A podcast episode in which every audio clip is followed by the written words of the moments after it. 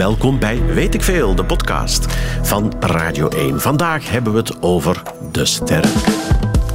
Radio 1. Weet ik veel met Sven Spijbroek. Uh, het wordt vandaag een beetje een rare uitzending. Uh, Katrien, wacht, kan je eens even wachten? Want dat is Katrien Kolenberg die je hoort. Dat is een astrofysicus van de KU Leuven. En uh, we, gingen het gewoon over sterren hebben, dacht ik. Rustig, maar ze heeft een soort van flaterfoon de studio binnengesleept waarop ze straks per se muziek wil maken.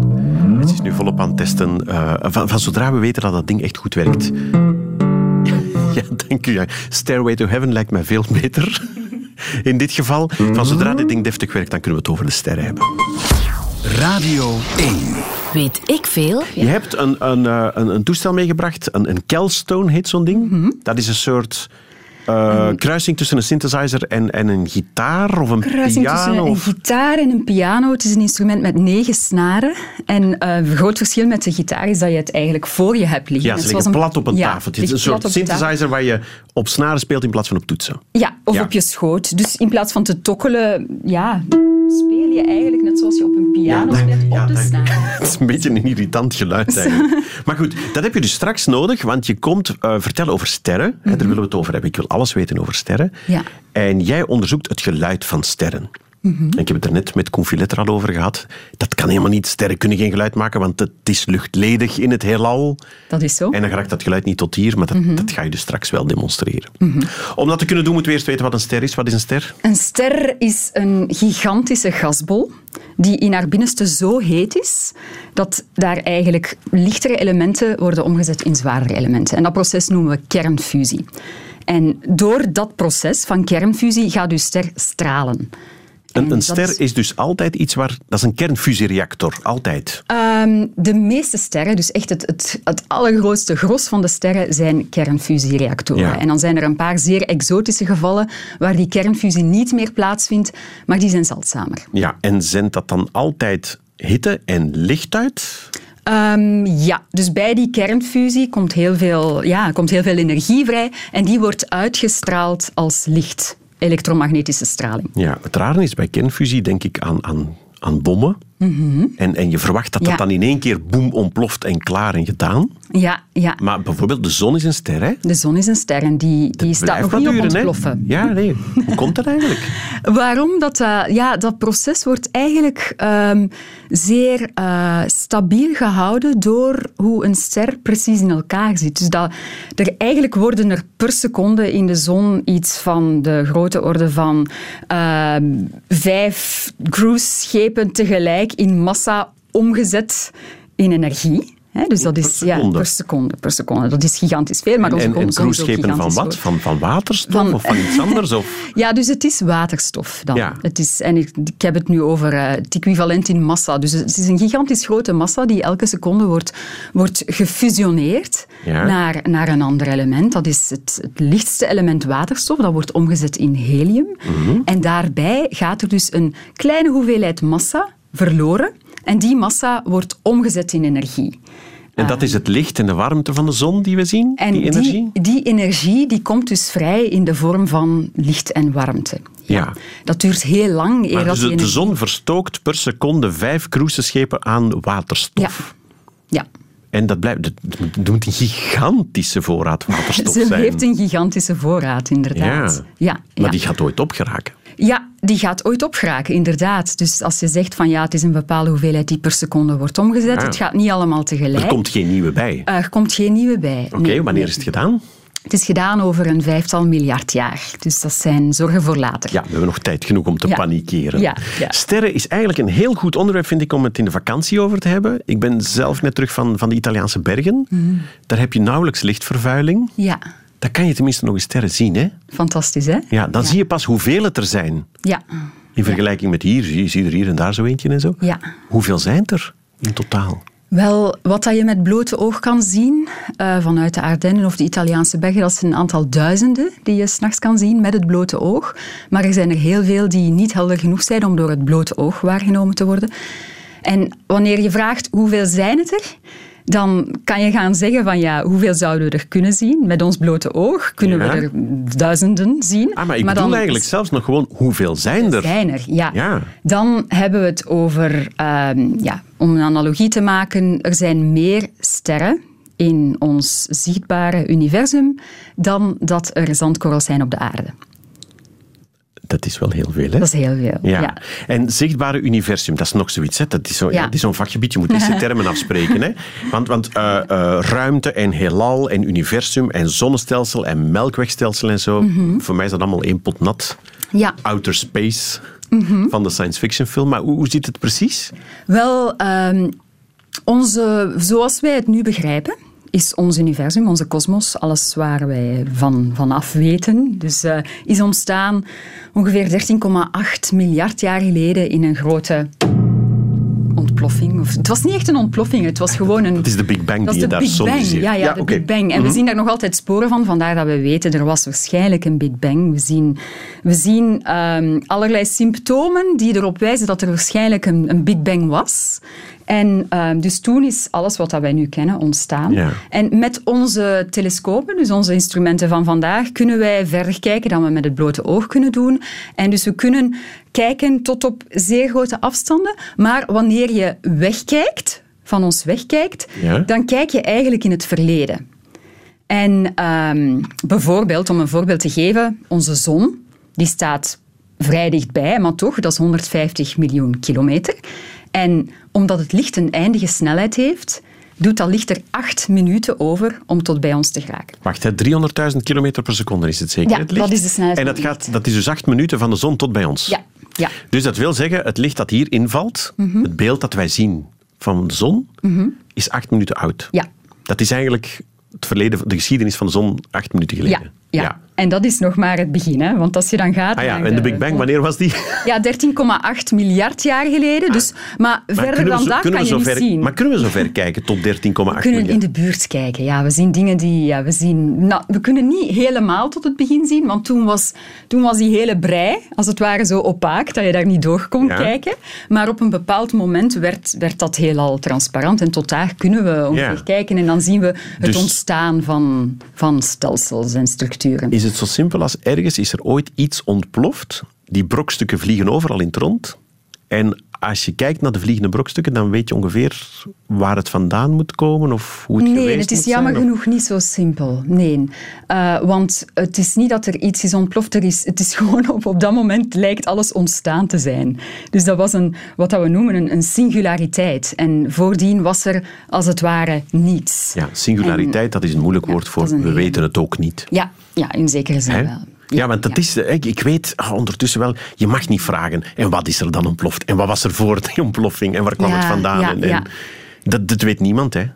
Mm, tot nu toe, nee. Dat weet niemand. En de, ja, kunnen we het wel weten? Ja. Oké, maar die sterren zijn er. Hè? Sinds die Big Bang zijn er sterren. Mm Sinds die Big Bang, ja, nadien zijn, dat was, bij die Big Bang zijn een aantal lichte elementen tot stand gekomen en dan zijn daaruit sterren samengeklonterd. Ja, oké. Ja. Had je nu al gezegd hoeveel er zijn in totaal? Ja, meer dan zandkorrels op aarde. Dus ja, dat is een, uh, een getal met een hele, hele hoge macht. Hè. En is dat voor het hele, hele, uh, hele heelal? Of, of, of is dat het zonnestelsel? Dat is voor wat dat wij kunnen waarnemen, zouden kunnen waarnemen. Dus binnen die, die horizon, zover als we kunnen kijken in het verleden... Ja maken wij een schatting van ja, dat getal zal u niks zeggen, want dat, dat, dat kunnen wij gewoon niet, niet vatten.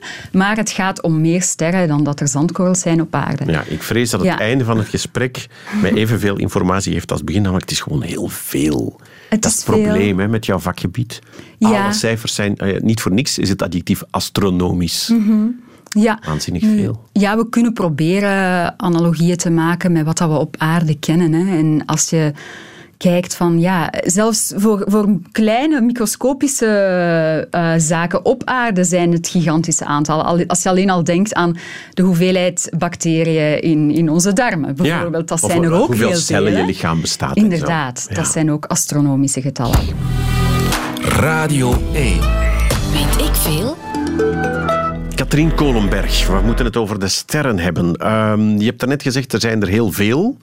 Dat is zo, um, de, paradox van Olbers heet dat, hè? Ja. In jouw vakgebied, de astrofysica. Mhm. Namelijk, er zijn er zo waanzinnig veel, die geven allemaal, al is dat ze allemaal een klein, klein, klein, klein beetje licht geven. Hoe komt het dan dat het s'nachts niet hel verlicht is? Mhm, zeer goede vraag. Want er zijn er inderdaad heel veel.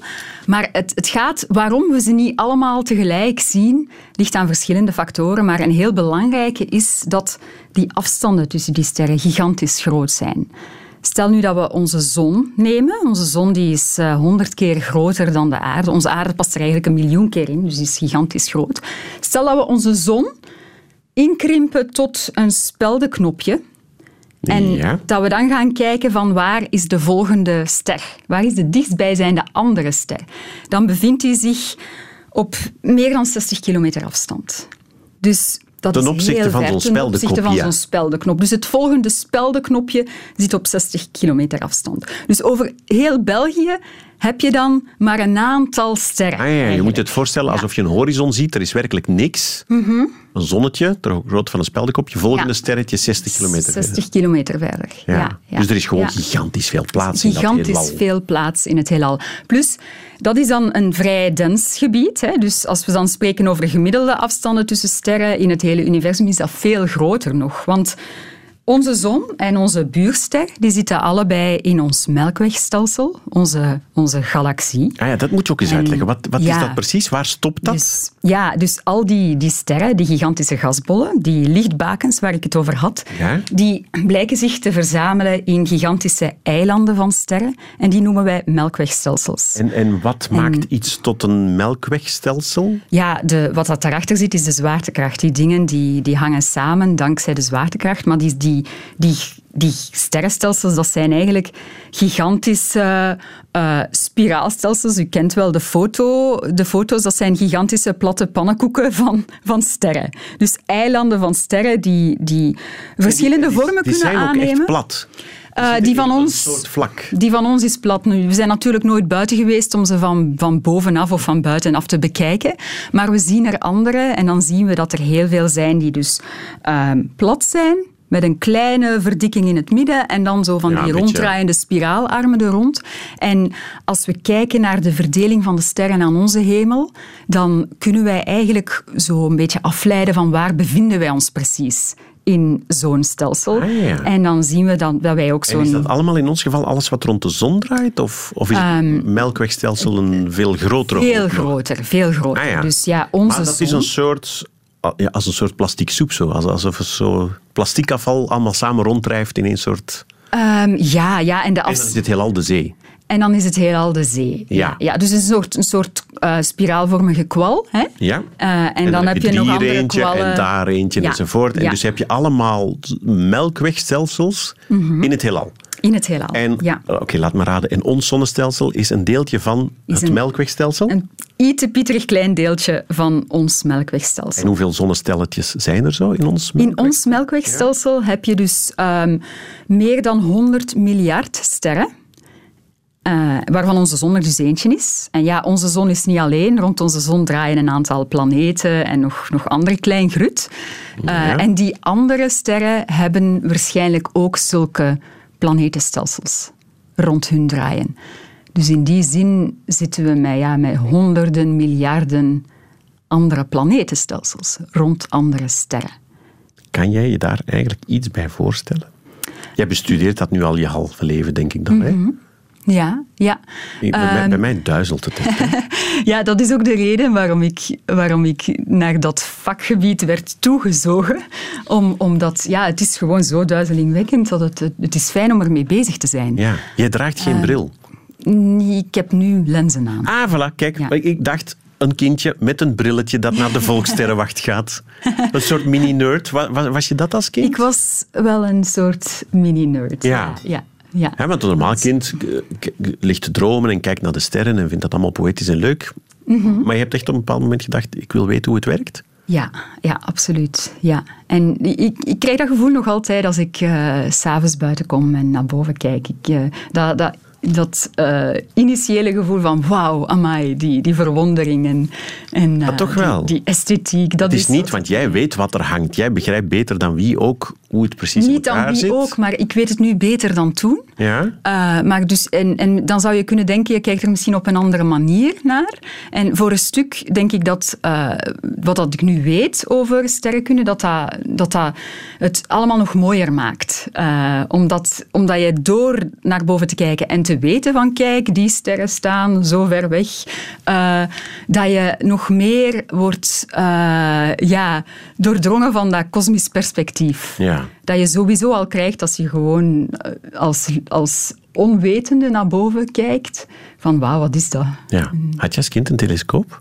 Ja. ja Heb je er nog één? Is dat iets wat je voor je job Um, moet doen? Ja, maar als ik tegenwoordig um, naar de sterren ga kijken, wat ik af en toe nog doe, dan, dan doe ik dat vaak onrechtstreeks en met veel grotere telescopen dan, dan wat ik thuis ah, ja, dat is waar. Wat is het in. Zuid-Amerika en zo staan er een aantal Ja. van die gigantische dingen. Hè? Ja, ja Wacht, laat me raden. En, en, en dat is niet meer met zo'n een, een objectief wat je moet doorkijken. Dat is computerbeeld, dat wordt naar je bureau gestuurd in Leuven of in Antwerpen. En je zit gewoon te tokkelen achter de computer. Ja, jammer genoeg is het, is het minder romantisch dan het vroeger was. Maar eh, toch af en toe gaan wij nog naar daar. Als, als, als er redenen genoeg zijn om een astronoom ter plekke te halen, om te helpen bij het plannen en het eh, uitvoeren van de metingen, dan mag je naar daar. En dan mag je wel eens door dat gigantische ding kijken. Wel, dat gebeurt dus inderdaad, zoals u zegt, onrechtstreeks. Hè. Eh, je Ja. kijkt naar een computerscherm. En vaak naar een tien à twintigtal computerschermen naast elkaar, waarop je ergens het beeld ziet van, het, van in mijn geval de gefocuseerde ster en dan hoeveel fotonen je daarvan krijgt en, en de hele analyse van het licht Ja. dat je ontvangt. Klinkt een beetje als, als een radioloog zo. Hè, Die Ja. komt met een x-ray, je ziet daar als patiënt niks op. Ja. Ja. En die mensen zien dan plots wel, ah ja, maar dit schaduwt hier hier en dat ja, absoluut. daar. Nee, die, de, wij gebruiken eigenlijk gelijkaardige software hè, als radiologen, eh, oncologen, et cetera. Dus Om naar het skelet van het heelal te kijken. Ja, Radio 1. Weet ik veel? Ik zit hier in de studio met Katrien Kolenberg, eh astroseismologe. Dat is iemand die het geluid van de sterren bestudeert. Want daar moeten we het nu eindelijk wel eens over hebben. Hè? Dat is de olifant in de kamer waar we nu al een half uur rondheen dansen. Jij hebt helemaal in het begin gezegd, ik bestudeer het geluid van de sterren. Koen Filet heeft mij daar net al op de radio terecht op gewezen. Dat kan niet, want geluid dat is trillingen van lucht en de heelal, dat is een groot vacuüm. Dus stel dat ze al geluid zouden maken, die, die dansende en ontploffende en kernfuserende golven van waterstof was het? in de vooral zon. waterstof, ja. Ja. Ja. Dan raakt dat nooit tot bij ons. Nee, dat is ook zo. Dat is ook zo. Zijn we dan uitgepraat? Helemaal niet. Nee, want eh, het is inderdaad zo, geluid heeft een medium nodig. Ja. Net zoals hier lucht eh, het medium is Of een voor... steen zou kunnen. Je kan op een muur steen, kloppen of door het water. Ja. Er moet iets zijn, maar er is niks. Ja, ja, en in de kosmos is het inderdaad vooral vacuüm. Maar de ster zelf, zoals ik zei, is eigenlijk een gigantische bol van gas. Ja. En dus de ster zelf is wel een medium. En in die ster kan een geluidsgolf wel weergalmen. En we gaan die dan niet horen, maar wanneer in een ster een geluidsgolf weergalmt, heeft die een effect op de ster. Ah, En- als, er- als er van binnen in, in de zon bijvoorbeeld zo'n Ja. waterstofontploffingje, Mhm. fusietje is, daar rond zit allemaal waterstof, dus dat, Mhm. dan heb je medium. Daar binnen kan dat golven en botsen en doen en Ja, resoneren. ja. Waarbij het ook eh, vaak niet zo is dat het die... Het is niet die fusie die die golven, die, die, die trillingen veroorzaakt. Want geluid is eigenlijk een trilling. Hè? Als je ja. een snaar in beweging brengt bijvoorbeeld, dan krijg je Ja. een... een Voor mij is dat geluid omdat dat mijn trommelvlies doet heen en weer. ja, inderdaad. bewegen. Ja, ja, maar op deze plek is het zo dat ik breng een snaar in beweging. En dat hele instrument gaat meetrillen. En dat creëert golven in de lucht die zich verplaatsen tot bij uw oren. Ja. En dan gaan uw oren dat mee overnemen. Voor de luisteraars die nu pas inpikken, dat is dus die Kelstone. Hè? Dat Ja. rare soort piano-synthesizer-achtig instrument. Gitaarachtig ding. Ja, ja, ik vind je het hebt heel meegebracht. fijn, omdat ik er heel veel kan op illustreren over die, die geluiden. Oké, dus die, die eh, ster maakt van binnen wel geluid. Ja, en dat geluid is eigenlijk, zorgt ervoor dat uw ster eh, in, in, in vele gevallen gaat inkrimpen en uitzetten. En dus wanneer uw ster gaat inkrimpen en uitzetten, stel u een gigantische gasbol voor die opzwelt en weer inkrimpt. Ja. Dat gaat een gevolg hebben voor bijvoorbeeld de temperatuur. Wanneer die, wanneer die ster gaat inkrimpen, gaat die heter worden en daardoor helderder. En wanneer ze gaat uitzetten, wordt ze koeler en minder helder. En dus je gaat helderheidsvariaties... Dat is, onder andere het gevolg van, van die geluidsgolven. Van die geluidsgolven, ja. ja, Want dus, daar van binnen zijn er geluidsgolven, wil ik nog geloven, die komen aan de rand van de zon. Mm uh, het licht vertrekt van de zon weg, uh, de hitte vertrekt van de zon weg. Helemaal radioactiviteit ook, geloof ik, als ik het goed heb. Mm Maar dat geluid, dat, dat, stopt daar dan. Het geluid stopt. De geluidsgolven zitten gevangen in de ster, maar dus doordat de ster wat instabiel is en gaat trillen, en dus in geluidsgolven gaan resoneren in de ster, die instabiliteit die gaat zich ook uiten in het licht dat de ster uitzendt. En dat kan je zien En dat licht kan je zien. Ja, dat kunnen wij waarnemen. Dus je ziet bijvoorbeeld uh, helder donker, helder, donker. Ja. Donkerder. Hè? Ja. En dan weet je, ah, dat is een melodietje.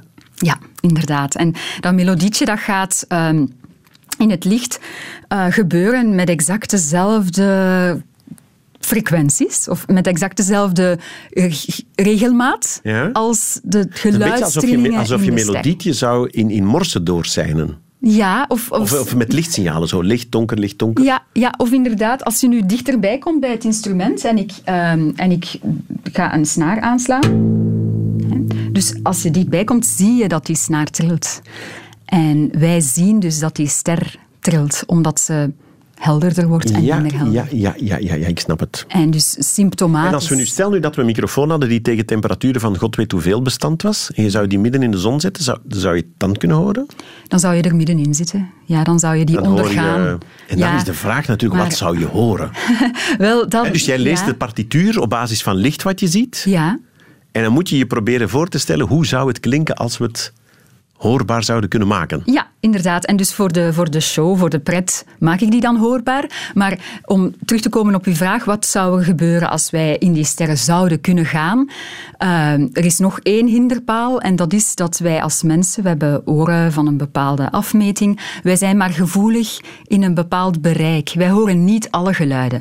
Wij horen bijvoorbeeld niet alles wat al walvissen tegen elkaar zeggen, omdat die hele lage tonen mhm, gebruiken. Wij horen ook niet wat dat uh, vleermuizen zeggen. En dat is maar omdat goed. die hele hoge tonen ja, hebben om dus te je hebt dus enerzijds heb je die, die hele lage tonen ja. en anderzijds die hele hoge. Ja, maar die horen we nog. Die horen we nog, want die zitten, ja, die zitten nog in ons hoorbare bereik met tragere trillingen en snellere trillingen.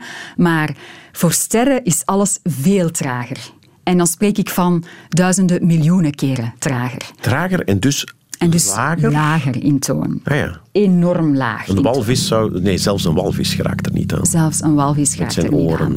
Maar dat, dat hangt eigenlijk ook samen met de grootte van, van, van die, die dingen. Hè. Die, bij, bij levende wezens is dat ook zo. Walvissen zijn groter, dus die communiceren met lagere tonen. Vleermuizen ah, kleiner, die communiceren met hogere oh, tonen. En dus hoe groter het ding in het heelal, hoe meer je een idee hebt van... In het algemeen, hoe lager. Ja. Het gaat laag geluid zijn. Ja. Je hebt een website, hè? Ja. Heb je online gezet met, met sterrengeluid? Ja, inderdaad. Uh, Stellarsounds.org. Ja, ik heb er naar geluisterd, maar, maar als ik het nu goed begrijp... Enfin, ik kan iets laten horen, maar dat is dan een soort... Het feit dat ik het kan horen is al heel raar. Want je zegt zelf, het zit, het zit ja, in geluidsorders die je niet kan horen. Ja, nee. Wacht, hè, ik, heb, ik heb hier um, uh, Blasco. Ja. Wie is. Blasco? Blasco was uh, een astronoom die heeft iets ontdekt bij mijn lievelingssterren. En dus uh, het Blasco-effect is een, een, een, fenomeen dat ik al uh, ja, meer dan een decennium bestudeer om het beter te begrijpen. Ja, wacht, dit is het Blasco-effect. Ja, en dus in dit geval heb je nog een vrij, ja, vrij monotoon. En wat is dat? Uh, wat heb ik nu eigenlijk gehoord? Dus wat je hebt, is... Je hebt een ster die, die, die trilt. Dus en die trilling die brengt al een, een toon voort. Maar die toon, ja, die toon hebben we versneld. We hebben die versneld een 4 miljoen keer zodat we ze hoorbaar kunnen maken. Want het is eigenlijk veel lager in toon. Dit, dit, okay? dit is echt het geluid van een ster? Ja maal 4 miljoen keer. Maal 4 sneller. miljoen keer, sneller. En dan ja. plots komt het ergens in het gebied waar wij het toch kunnen horen. Ja, inderdaad. Oh, ja. Oké, okay, maar nu wordt het echt interessant hoor. Ja. Wacht, hè. we gaan een quizje doen. Hè. Welke ster horen we nu? Oké. Okay. Hier uh, hoor je, dat is een zeer uh, schrille toon. En dat moet een heel dense ster zijn. Het gaat hier om een witte dwerg. Uh, Je hoort dat is... gewoon. Ja. of het komt ook van jouw site natuurlijk. Ja. Dus de toonhoogte speelt een rol, maar eigenlijk ook weer niet, omdat je kan, als je het meer versnelt, dan, dan kan je alles hoger brengen in toonhoogte ah, natuurlijk. Ja, ja, maar wat ook meespeelt is het, het timbre, dus de specifieke klank die eigen is voor, voor een instrument vaak, maar ook een ster heeft een specifiek timbre. En dit is een heel schril timbre. En dat ding wat we nu gehoord hebben, die, die witte dwerg, dat is de naam voor een soort ster? Dat is een naam voor een soort ster. Hoe ver hangt die van ons? Deze ster al, ja, ik denk, ik schat op een aantal uh, tientallen tot honderden lichtjaren afstand staan. Wat wil, wil zeggen, we zien die nu zoals ze misschien honderd jaar geleden was. Ja. Uh, en waarom zeg ik dat? Omdat we van veel verder afgelegen sterren niet, niet genoeg data kunnen hebben om zo mooi een toon te reconstrueren. Mooi, dit, dit dus, ja. Ja. ja, inderdaad. En dus ik vind dat grappig. Je vindt dat mooi. Ik, ik, ik, ik zou knettergek worden na een minuut, denk ik. Ja, mooi. Ik bedoel, het is toch wel... Uh, het is wel fascinerend. Het is ook wel duidelijk, hè? Want ja, ja, ja, ja, je hoort het. Het, het, is een groot verschil met de zon bijvoorbeeld. Kijk, dit is de zon. Ja. Dit is echt geluid van de zon. Dit is de zon, ja. Maar, maar wacht, hoe is dat dan tot bij ons geraakt? Dit dat is, niet tot bij ons eh, geraakt, hè? Want alleen het, licht is, niet bij ons, bij ons geraakt. Nee, nee, dus wij hebben eigenlijk metingen gedaan. Uh, onze zon is de enige ster die we duidelijk als een schijfje kunnen zien. Voor andere sterren wordt dat veel moeilijker, want die staan heel ver weg. En dus als je kijkt naar het oppervlak van de zon, dan zie je dat dat op en neer beweegt, mhm. maar niet gelijkmatig. Er zijn zo bepaalde zones die opgaan en andere neer. Uh, en dan met periodes van vijf minuten. En als je dat dan een aantal uh, miljoenen keren versnelt, krijg je dit geluid. Dat is dan nagespeeld hier op aarde op een instrument om, te, om te laten horen. De zon een synthesizer zijn die trillingen dan weer Groot en dik zijn. Want het klinkt heel laag, hè? Klinkt heel laag, ja. ja. En dus wat bij onze zon um, de reden is voor de trillingen, is eigenlijk dat de buitenste lagen van onze zon zijn aan het koken. Je hebt daar zo'n kolkende massa. Ja. En doordat daar zo'n een, een, kookproces plaatsvindt, gaat onze zon langzaam meetrillen in haar eigen frequentie. Want elk object heeft een eigen frequentie. Uh, zo, zo ook ja, u en ik, uh, onze stem, he, alles hangt alles samen. Trilt op, de, op zijn eigen op zijn eigen frequentie. Manier. En dus elke ster heeft dat ook. En die eigen frequenties, dat is precies wat ons interesseert om veel beter te weten van hoe is die ster opgebouwd. Want van die ster zien wij eigenlijk enkel een puntje licht. Maar als wij zien dat dat licht een beetje varieert onder invloed van geluidsgolven, dan kunnen we veel meer gaan afleiden over ah. wat is de opbouw van die ster. En de trillingen verraden iets over de samenstelling van de ster? Ja, de, de samenstelling, de eigenschappen. Net zoals um, voor dit instrument dat je, je kan horen, dat gaat hier om een metalen snaar. Uh, dat is een, een ja. ja. je kan afleiden dat dit is geen cello bijvoorbeeld, dit is geen piano, het is een ander instrument. Maar een Alleen al door daarnaar te kijken zou je kunnen zien van ja, dat moet, dat zo, dus dat is geen betonnen snaar of dat is geen houten snaar, dat moet een metalen snaar zijn. Ja, maar het verschil is dus eigenlijk bij een ster kunnen we niet kijken, want we zien alleen een lichtpuntje. We, meer dan dat hebben we niet. Dus we zien niet dat hele ding dat, dat uitzet en inkrimpt. We kunnen ook niet met een temperatuur, met een thermometer gaan meten hoe warm het is. We kunnen niet gaan onderzoeken wat dat er precies in zit. Maar dus die minieme trillingjes, maal zoveel miljoen, dan plots ja. wordt het wel interessant. Dan kan je er veel meer uit afleiden. Radio 1. Weet ik veel? Over sterren met Katrien Kolenberg. Um, de planeet Aarde waar we op zitten, dat is een planeet. Hè? Een planeet is geen uitgedoofde ster, dat is gewoon een hoop brokstukken, denk ik dan, uit het heelal? Een planeet is per definitie een uh, bolvormig object dat draait rond een ster. Ja, en, en kouder dan een ster, denk ik dan niet? kouder dan een ster, ja, inderdaad. Want je kan, je kan ook een bolvormige ster hebben die draait rond een andere ster. Maar dus planeten uh, komen ook in verschillende maten en gewichten. Je hebt de aarde bijvoorbeeld en je hebt Jupiter, maar die zijn, die zijn eigenlijk niet heet genoeg om aan kernfusie te doen. Ah ja maar wel koud genoeg om leven toe te laten. Mogelijk. Want daar wil ik eigenlijk naartoe. Hè? Want als het over het heelal gaat, ben je toch altijd benieuwd. Als ik het goed begrepen heb, nu die sterren die zijn veel te heet ik, ik, denk niet dat er veel levende wezens in kernfusieland kunnen wonen. Dat klopt. Ja, maar denk jij dat er ergens een planeet bestaat in die Miljarden zandkorrels in het heelal?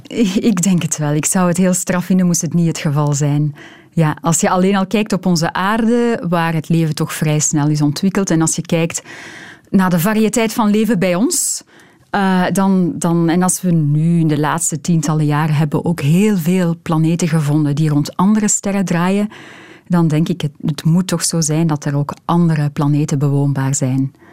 Maar hebben we daar, heb jij met al je telescopen en je luisterend oor voor het heelal ooit al iets van opgevangen? Tot nu toe niet. Ah, want er bestaat zo'n project, hè? staan er ook niet van in, in Mexico van die hele grote schotelantennes die proberen geluid uit het heelal op te vangen? Ja, dat is het SETI-project, ja. Search for Extraterrestrial Intelligence. En dan mag iedereen met zijn computer thuis meehelpen om die data te verwerken? Er veel data natuurlijk die je moet verwerken. En wat dat we daaraan doen zijn, is aan het zoeken naar signalen die niet van natuurlijke kosmische oorsprong zijn, maar dus anders, die er een beetje anders uitzien. Zoals onze radioshows bijvoorbeeld. Ja. En dus uh, op die manier kan je dan achterhalen van ja, dat, dat zou wel eens van een intelligente beschaving kunnen zijn. Maar als ik het nu begrijp, ook daar gaat het niet puur om geluid, hè, want daar hadden we het net over, dat kan mhm. niet. Is het met diezelfde antennes dat ze ook uh, ja, wat is het? Licht dan? Pulseringen proberen ja, te Ja, want uh, de communicatie, van, ook van ja, onze, onze communicatie, onze tv, gebeurt ook via elektromagnetische golven. Met andere woorden, licht, maar misschien geen zichtbaar licht, maar bijvoorbeeld radiogolven. Ja. En wanneer je in, in radio gaat kijken, in radio gaat ah, kijken... Dus dat zijn grote radioontvangers ja. die er eigenlijk staan. Ja. want dit, dit wordt ook uitgezonden, dat gaat in radiogolven de ruimte in en gaat dat dan altijd rechtdoor? En... Ja, ja, aan de lichtsnelheid. Oh, ja. ik wou net zeggen, als ik er met een raket achteraan kan gaan, kan ik dan ooit nog Inhalen. wat we nu gezegd hebben? even bijknippen. Ja, zou dat uh, dan, zal je, dan, zal je, ja, dan zou je eerst even een dan aantal moet je sneller dan de lichtsnelheid in de fysica moeten doen en proberen uh, te achterhalen hoe we dan toch maar die lichtsnelheid kunnen Want ja, dat gaat niet, hè? beïnvloeden. Nee. Ah, jammer, jammer. Dan hebben we nog uh, hoeveel seconden? 20 seconden om even samen te vatten. Wacht, moment, komt ie, hè? Radio 1. Weet ik veel? Katrien Kolenberg, wat moeten wij over sterren onthouden? Er zijn er heel veel en bijgevolg zijn er waarschijnlijk ook heel veel planeten waarop leven zou kunnen zijn. Radio 1. Weet ik veel? Dit was Weet ik veel, de podcast. Een aflevering tussen de vele. Je vindt ze allemaal terug op radio1.be.